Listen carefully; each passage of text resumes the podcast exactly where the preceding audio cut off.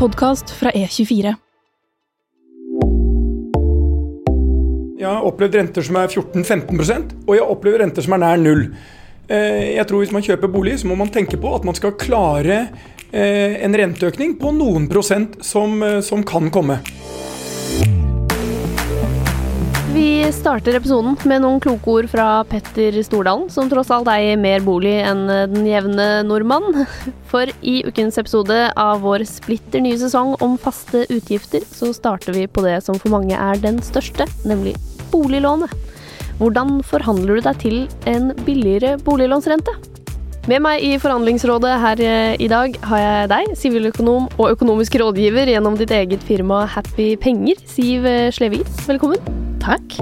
Og så er du med oss E24s egen børskommentator, Sindre Heierdal. Hei, hei. Velkommen.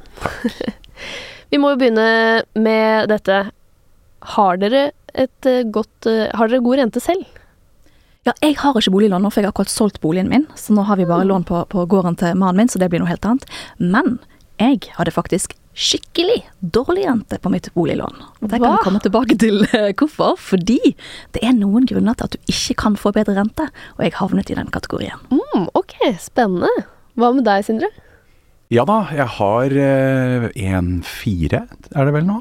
Eh, så vi er fornøyde. Men det, jeg har jo faktisk da en liten internettbank som valgte å sette opp renten nylig, med effekt nå. Eh, så jeg er jo ikke helt fornøyd med det, eh, selvfølgelig. Men eh, likevel, jeg følger med, og går det mye mer opp, så er jeg villig til å bytte. Ok, så da har dere erfaring vi kan lære av, i tillegg til litt eh, forhandlingskunnskap. Veldig bra. Da kan vi jo begynne der eh, du eh, ledet oss inn, Siv. Hva er det som avgjør hva man betaler i boliglånsrente?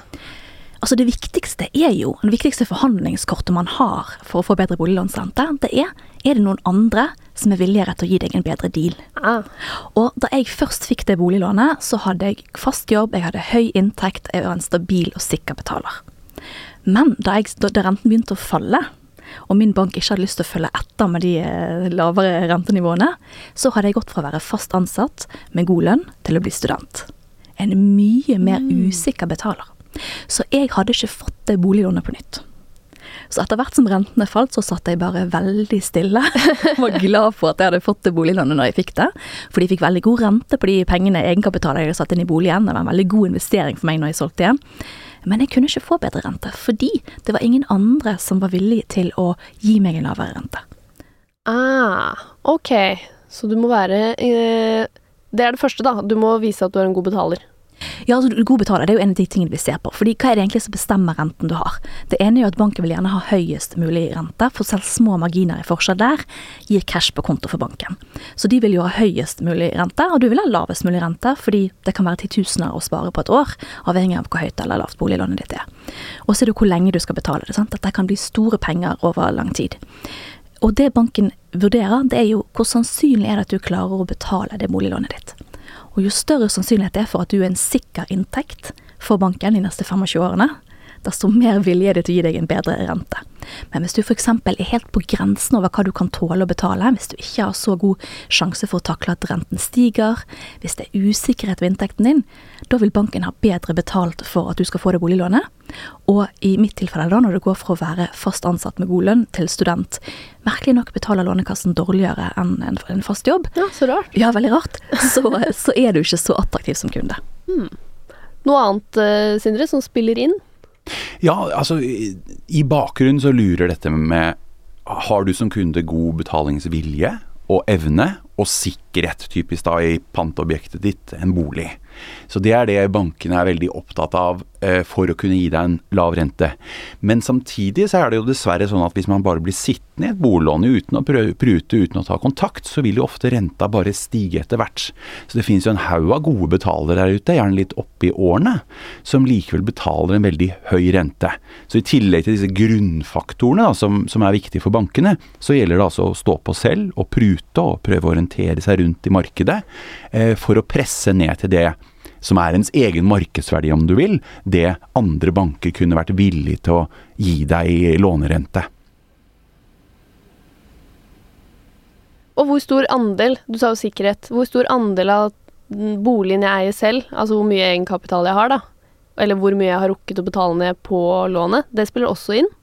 Ja, absolutt. Og eh, belåningsgrad, det går på eh, hvor mye av huset ditt eier du egentlig selv. Altså, ikke sant? Hvis du har et lån på tre millioner, da, og huset ditt er verdt fire millioner, så har du en belåningsgrad på 75 Eh, og eh, Der har det også vært en viss utvikling i bankmarkedet i det siste. Bankene vektlegger mer enn før at du har en lav belåningsgrad. Da er du en god kunde, ikke sant? En veldig trygg betaler. Og har du en belåningsgrad på under 50% altså du eier egentlig mer enn halve huset ditt selv, Eh, da er du særlig attraktiv for en del av disse bankene, og særlig en del av disse nykommerne, også internettbanker gjerne, som, har, eh, altså en, som gjerne har en morbank, men som er skilt ut som en ren internettbank også. Så da kan du ofte stille særlig sterkt. Hmm. Ja, for hvorfor er det egentlig forskjell mellom uh, bankene? Altså ingen ville ha deg, Siv, som var student med et stort lån. Men eh, hvis du ikke var student da, og hadde et lån og ville forhandle på renta di, så hadde du kanskje funnet en bank som ville ha deg mer enn din forrige bank. Hvorfor er det sånn at noen banker kan tilby lavere rente enn andre? Ja, kan de eller vil de? Ah. det, jo, er jo, noe der også. At eh, hvis du er en stor bank som har mange mange kunder, og som har en sterk markedsposisjon, hvorfor skal du da gidde å tilby en bedre rente? Fordi at du har en sterk konkurranseposisjon, og du kanskje er en som mange kjenner til. Vi vil jo gjerne at banken skal være trygg, vi vil at boliglånet vårt skal være trygt. Og mange har kanskje et, et forhold til banken sin som at dette er banken der jeg vokste opp. Så tenker vi at den nærmeste banken, den lokalbanken, er den som kan gi oss den beste dealen. Kanskje stemmer det, men ikke sikkert. Så det som Sindre nevner med at det er en del eh, nye på markedet, nye internettbanker, ja, de må stå litt mer på da, er kanskje mer villige til å gi en, en bedre pris. Mens hvis du har konkurransekraften til å ta deg bedre betalt, Hvorfor skal banken da være kompis? Banken er ikke kompis. Det, det, er ikke det som er jobben deres. Og det er noen forhold vi vil ha livet ut, f.eks. For forholdet til besteverden. Kanskje noen leter etter den evige kjærligheten. Men jeg tror en felle mange går i, det er at hvis vi får mitt første boliglån, så gifter jeg meg med banken, og så kan vi feire det litt som om det var bryllupet. Og så skal vi holde sammen livet ut, og at vi kanskje tror at det er den lojaliteten som gir en god pris. Og det stemmer ikke. Ah. Mm, det er jo egentlig motsatt. altså Troskap mot banken, det straffer seg. Mens, eh, så, så vær tro mot partner, kjæreste, ektefelle, og, og vær utro mot banken om det er nødvendig. En god tommelfingerregel der. Ok, jeg, Men det har jeg alltid uh, lurt på, fordi bankene vil jo veldig gjerne at vi skal tro at eh, lojalitet er sykt bra. Men eh, det med at du burde ha alt samme sted, det er vel kanskje riktig? At du får liksom en bedre deal hvis du ikke bare flytter boliglånet, men også bankkortet ditt, på en måte? Er det, ja, er, er det tilfellet fortsatt, Sindre, at du får best deal hvis du har alt samlet? Det varierer vel litt. Det er ikke alle som krever det. Andre eh, krever det vel eh, mer sånn implisitt. Altså det nevnes gjerne, da. ikke sant. Det er fint om du også flytter det uten å kreve det. Så, så det er litt, litt, forskjellig landskap der. Um, men du bør i hvert fall ha boliglånet ditt samme sted, for det har jo også noe med beløpsgrenser å gjøre. Og der er det også en sterk tendens til at du er jo en bedre kunde hvis du har et stort lån. Så sam lånet ditt i én bank. Eh, og eh, hvis man tar en titt på de ulike bankenes nettside, så kan du se at de har litt ulike grenser. Noen har f.eks. fire millioner. Så det kan være lettere å oppnå en lavere rente hvis du har over fire millioner, enn hvis du har under fire millioner i lån. Og Det er kanskje litt eh, paradoksalt, men det handler jo om at banken har litt administrasjonskostnader ved å betjene deg uansett. Så har du mye penger der, så, så blir det jo en mer eh, effektiv kunde enn en mer attraktiv uh, indrefilet for hver enkelt bank. Så det kan være lite sånn forhandlingskort, faktisk? At uh, hvis, man, uh, hvis, man, lover å flytte all sin business til banken, så kan man kanskje få litt bedre deals? Jeg, jeg er bare usikker på hvor reelt det er i, i virkeligheten. Fordi at, og, og da tenker jeg særlig på den her ja, men min lokale bank har jo jeg snakket med så lenge, eller denne banken har jeg hatt så lenge, og jeg er jo en lokal kunde, og her har jo jeg all min business. Ok, men hvorfor får du ikke bedre rente, da? Jeg har veldig troen på å utnytte den markedsmakten, for det er noe av problemet som forbruker, det er at vi vet jo ikke. Jeg går ikke rundt og vet hva en god rente er hele tiden. Jeg må sjekke det på Finansportalen eller en av disse sidene jevnlig for å vite liksom hva er markedsrenten nå. Og det er jo i det hele tatt å ha oversikt. Det er, det, banken sitter på en del makt fordi at de har informasjon. Så de vet, og vi vet ikke. Og jeg tenker at det er det som kanskje har endret seg nå kontra før, da, det er at vi har bedre tilgang på informasjon. Eh, vi trenger ikke bare å stole på at hvis banken sier at jeg har fått en god deal, så stemmer vel sikkert det. Og de har, de har strukket seg så langt de kan, og hvis de sier det i en e-post eller telefon, så, så må jo det være sant. Så jeg tror nå at det viktigste er å utnytte det faktum at du har mer informasjon. Du kan sjekke hva som er god boliglånsrente. Du kan sjekke hva andre får, som liksom er, har lignende økonomi som deg. Du kan be en annen bank om et tilbud. Og det viser den reelle markedsverdien din. Fordi eh, hvis du har fire millioner i, i lån, og, du, og det er godt sikret. Sant? Det er ikke over det er ikke 80 sånn av boligens verdi er, er, belånt, men at du har en hel egenkapital der også. Du er en sikker betaler, du har god inntekt. Ja, da er du en god kunde hos banken. Men det er ikke sikkert at prisen du får, er, gjenspeiler det, med mindre du viser at noen andre er villig til å gi deg en bedre deal. Mm. Og, altså, ingen må jo sitte med en bank og deres boliglån bare fordi de ønsker å ha dagligvarekjøpene der. Det er jo enormt å spare på å, å ha gunstigst mulig boliglånsrente, så man må jakte. Og det er masse banker som er villige til å, å, å låne penger til en kunde de vil ha. Hmm. Ok. Greit å vite. Dette spørsmålet får jeg veldig ofte. Eh, du var inne på det, Siv. Dette med hva er egentlig renten? Eh, altså hva er en god rente nå, men også hvilke rente har jeg egentlig i min egen bank? Eh, noen av vennene mine tror jo at jeg er en slags finansguru, siden jeg jobber i E24. Og det, da spør de meg om boliglån, og så spør jeg hva har du i rente, da? Vet ikke. Hvordan finner jeg ut det? Og så har jo ikke jeg boliglån, så jeg vet ikke det, jeg heller. Hvordan Står det noe sted? Det skal jo stå det. Du skal ha en effektiv rente. Men, men eh, det er jo veldig populær øvelse å prøve å gjemme mest mulig av den renten i å kalle det noe annet. Kalle det you know, gebyr for ditten og gebyr for datten. Administrasjonsgebyr og sånn, termingebyr og forskjellige ting. Men eh, jeg er litt fan av at vi bare kaller det for det det egentlig er, og det er den effektive renten som gjelder, for det er den du faktisk betaler. Om vi kaller det for rente eller om vi kaller det for gebyr, det er jo en prisen du betaler uansett. Så leit etter den informasjonen som heter effektiv rente, for det er det du faktisk eh, betaler. Ok. Og det skal stå et eller annet sted på en innbetaling eller noe sånt? Ja, den finner du i nettbanken din, men skulle du være i tvil, så ring banken. Og som Sier sier, ikke spør om det som heter nominell rente, men spør om effektiv rente, som viser hva du reelt sett betaler etter gebyrene også. Ok, så hvis jeg har et boliglån og lurer, så kan jeg ringe eller bare starte en sånn chat med banken og si hei, jeg er Nora, hva har jeg i effektiv rente? Mm. Ok. Det kan du gjøre. Og jeg har alltid funnet det i nettbanken min sjøl at det står opplyst effektiv rente. Ja, ja. Ok, det er bra. Og da lurer jeg også på hva er forskjellen på effektiv rente og nominell rente? Ja, det er jo disse gebyrene, da, som er, som er forskjellen. Det er liksom skjult og reell rente. Ok, så reell rente, det er den nominelle. Ja, og du betaler typisk et termingebyr hver måned i mange banker. Eh, og det er særlig den da som drar opp den reelle renta fra det nominelle nivået, utgangspunktet, til den effektive, som er det du faktisk betaler. Ja, så nominell rente, det er eh, alt. Og, nei, er bare renta, og Mm. effektiv rente er alt, og det skal Mm. du se på. Ja. Greit å vite.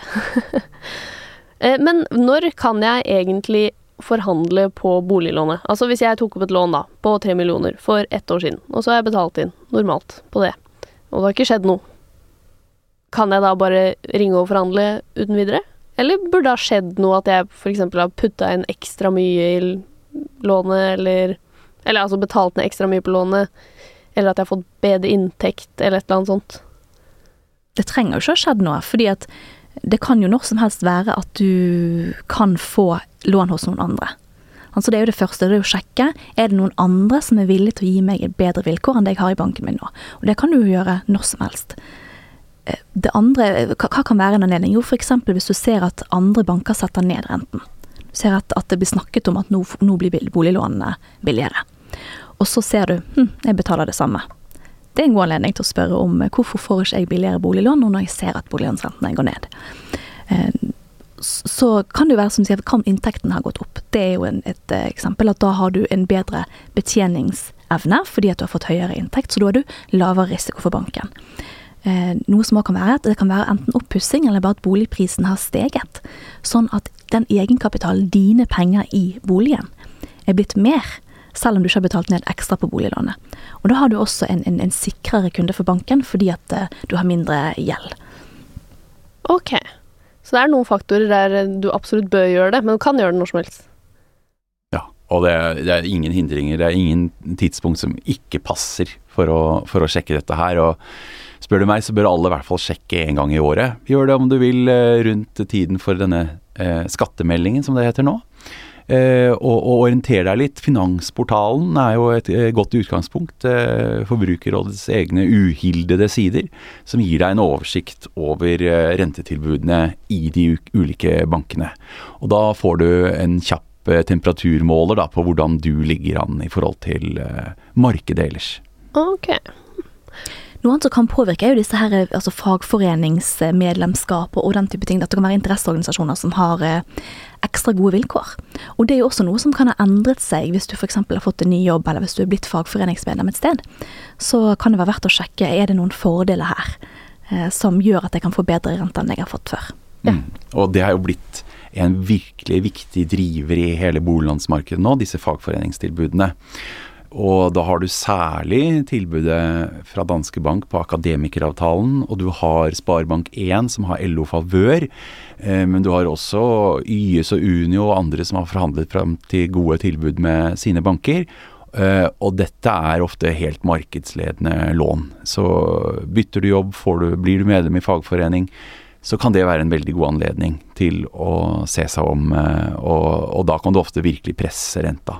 Men det er mange andre faktorer òg. Har du f.eks. fått et mer energieffektivt hus, så begynner det å bli en god del tilbud på ulike typer grønne boliglån, som også ofte gir deg litt lavere rente enn en, en snittet en bank eh, tilbyr. Hvem er det man tar kontakt med i banken? Er det sånn at man alltid har en personlig rådgiver som man tar kontakt med, eller er det bare sånn 'Å, jeg forhandler renta, da bare starter jeg en sånn kundechat'? Jeg har hatt min rådgiver i banken og jeg har hatt uh, boliglån. Jeg tror det er vanlig. Nå har ikke jeg så oversikt over disse nye internettbankene, Sindre, men du hadde en sånn bank. Har du fortsatt uh, din rådgiver der? Nei, der, er det, der har jeg bare kommunisert eh, over nettet, eh, så langt. Eh, men det er jo også det de legger opp til. Og det, de har jo gjerne lave priser, men ikke så mye personlig oppfølging. Eh, de større bankene har du ofte en, eh, en mer enn direkte kunderådgiver. Men, men dette handler jo litt også om hva kunden selv ønsker, da. Og eh, jeg liker å ringe hvis, hvis jeg skal prute. Eh, direkte, og da er det jo enten så er det gjerne oppgitt en kunderådgiver, eller så er det et, eh, et nummer, et sentralbord du ringer til, hvor det sitter kunderådgivere. Og da kan du forhandle og legge fram saken din. Så ønsker du liker du å prate og, og, og føler at du har argumentets kraft, så ring gjerne. Men eh, det er jo også mange sjenerte der ute, og, og ellers folk som bare foretrekker eh, nettet. Og da eh, kan det jo være en utmerket greie med disse chat-funksjonene. Det er en veldig rask, umiddelbar måte å få kontakt med banken på. Eller du kan sende en mail, selvfølgelig, og, og legge fram argumentene dine. Eh, og det kan være vel så effektivt. Eh, da får du, får du fram alt det du ønsker å, å si. Du kan til og med benytte noen eh, tilbud, kommersielle tjenester som Renteradar, som kan eh, gi deg en mer standardisert eh, brev hvis du fyller inn litt opplysninger, og så kan du sende det til banken. Så det er veldig mange muligheter, og, og man vegrer seg litt for å prute. Vi nordmenn er vel mest vant til å prute hvis jeg er på et marked i Syden. Så er det fullt mulig å, å bruke ulike tjenester og, og, og skrive skriftlig. Så man slipper eventuelt, hvis man føler det er litt ubehagelig å ta den telefonen, så slipper man den, den byrden det måtte være, da. Argumentlista er vel kanskje smart å ha skrevet ned før du ringer også? Bare sånn at du er sikker på at du får med alt? Absolutt. Absolutt. Og det er jo eh, Man kan jo selvfølgelig prøve seg på kompliserte utlegninger om at eh, nå er pengemarkedsrentene det og det, i, og at eh, derfor fortjener jeg å gå ned. Men jeg tror man må bevege seg inn i å argumentere på eh, hvorfor man selv er en god kunde, og eventuelt at man har fått andre gode tilbud, eller ser at det er andre gode tilbud. Eh, det er nok mer det eh, banken lar seg overbevise av. Så eh, hvis jeg tar kontakt med banken min, da, og så har jeg skikkelig gode argumenter Jeg har at eh, jeg har en fagforening som kan tilby meg det og det, eller en eller annen bank som har gitt meg et bedre tilbud. Skriver en det. Og så har jeg kanskje økt eh, min egen eierandel.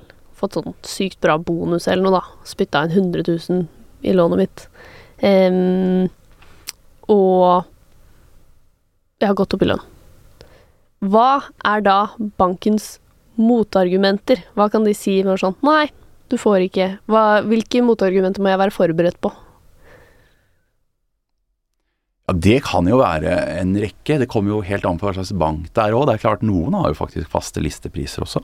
Så de opererer med samme priser til alle kunder. Og da har de ikke noe å gå på nedover. Det kan også være at du At du eh, De mener de har gitt deg en god rente. Eh, Det er det beste vi kan tilby deg. Eh, og i noen gang tilfeller kan det jo være reelt også. Eller f.eks. at du har for lavt lån til at eh, det er eh, verdt å gjøre noe med det. Det kan være mange argumenter den andre veien som du, du kan møte i eh, døren. Eh, så, så da gjelder det å ha eh, kontroll på hva du selv ønsker å få fram, og gjerne altså et konkurrerende tilbud som er under det nivået du har i dag. Jeg har eh, flere ganger med hell skrevet veldig korte mail. Eh, gjerne hentet inn et tilbud fra en annen bank. Jeg har fått tilbud om det og det hos X og X. Kan dere matche dette tilbudet? Det er et enkelt spørsmål som, eh, som jeg ofte tror er ganske effektivt. Jeg tror det er det mest effektive forhandlingskortet. Du kan gå inn på, på eh, finansportal.no, og der er det jo på en måte uavhengig informasjon. sånn at ikke, eh, Du kan stole på den informasjonen som står der, at det er de prisene som, som gjelder. Da får du frem hva er markedsrentene. Og så kan du legge inn hva er mitt lån, eh, hva er min, sånn, hvor mye, hva er boligen verdt, hvor lenge skal jeg betale ned lånet, hvor gammel er jeg, og så får du opp forskjellige alternativer. Hvem er best i rente her, hvem er dårligst. Og så kan du bruke det. Jeg ser at på finansportal.no så tilbyr denne og denne banken denne og denne renten for samme type kunde som meg. Kan dere matche dette? Ok, så det er det sterkeste argumentet. Sterkeste og enkleste. Og det kan du gjøre så ofte som helst. Ja. Nå nevnte du også Renteradar, Sindre, som er en kommersiell eh, aktør. Eh, Jeg har veldig troen på den, så da må jeg bare si sånn på forhånd at jeg har, jeg har investert i det gjennom folkefinansiering, for jeg har troen på at det er en god tjeneste. Nettopp fordi at det hjelper å få oversikt. For det er mange som syns det er uoversiktlig selv når de kan sjekke listene på finansportaler, for da får du jo opp side etter side etter side etter side med tilbud fra forskjellige banker. Og hvilke, hva er det egentlig som gjelder for meg? Og har jeg denne og denne fagforenings... Eh, Ja. eh, sånn, har jeg den og den fordelen, og er nå jeg en kunde som, som vil få dette tilbudet? Og da kan man jo rett og slett logge inn med bank-ID på, på renteradio.no og sjekke. Eh, Har jeg en, en god eh, rente? Men det er jo ikke alle bankene som er med der. Min bank var ikke med der, så jeg kunne ikke gjøre det. Okay. Eh, bankene syns overraskende nok ikke at det er en dårlig tjeneste. Vi er ikke fan av den type tjenester som skal gjøre det enklere å sammenligne. Nei, den ser jeg.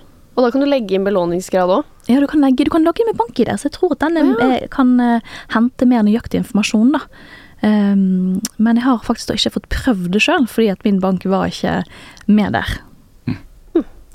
Og men første landingsside da, som man kan prøve, det er Finansportalen. Eh, og så må man, kan man jo huske at den fanger ikke opp nødvendigvis alt den heller, fordi den gjerne summerer grupper, og det kan være andre tilbud som er bedre også utover. Men det er et veldig godt startsted da, for å orientere seg litt og få litt kunnskap om hvor man ligger i forhold til andre. Og sånn som du nevnte jo Sindre at han hadde rundt 1,4, og hvis du går inn på Finansportalen nå, så ligger det sånn 1,3, 1,4. Der ser du det er mange lån. Mange, mange banker ligger der. Ja. Eh, så hvis din rente nå er over to, så er det sånn ok, det, Da må du gjøre noe. da har jeg kanskje ikke en så veldig god deal. Da er det på tide å gjøre noe med det. Okay. Men så tror jeg også at eh, det er nok mange, veldig mange som fortsatt ligger over 2 eh, Og eh, det er, må jo være et mål for alle å komme lavest mulig ned. Men eh, det kan nok være noen ganger vanskelig å komme ned helt ned til L4, sånn som det ligger nå. Eh, så det kommer mye an på hva slags sikkerhet man kan stille, og belåningsgrad. og Alder er jo også et kjempemoment her. Eh, mange av de som lytter er eh, i etableringsfasen, og det skal de være glad for. Er du typisk under 34 år, så får du gjerne ekstra gode tilbud. For bankene ønsker selvfølgelig å tiltrekke seg unge kunder og få et langt partnerskap med de, eh, og er ikke fullt så interessert i en 50-åring. Så alder i seg selv er ofte utløsende for å få et bedre tilbud. Og selv disse fagforeningstilbudene gir jo ofte ekstra gode renter hvis du er typisk eh, under 34 år, da. Hva? Er det aldersdiskriminering i bankene? Er det lov?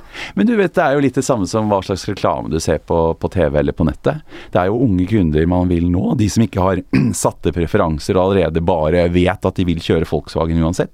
Du må nå dem før det, og, og være med å få et forhold til banken din. Ok, så lyver på alder nå, når du forhandler? Det er jo akkurat dette her at vi, vi er så dårlige på å bytte bank.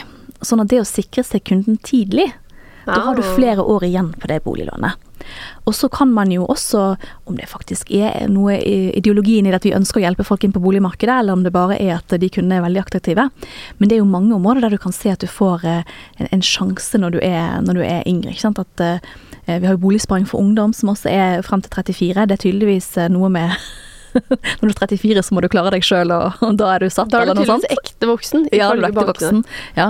Um, men, men det er jo rett og slett det at hvis, hvis du først velger en annen bank tidlig, så er det sannsynlig at du blir værende der. Eh, Det, tar, det, det, det er mange som lar være å bytte bank, og da er det jo mer gunstig å sikre den kunden så tidlig som mulig.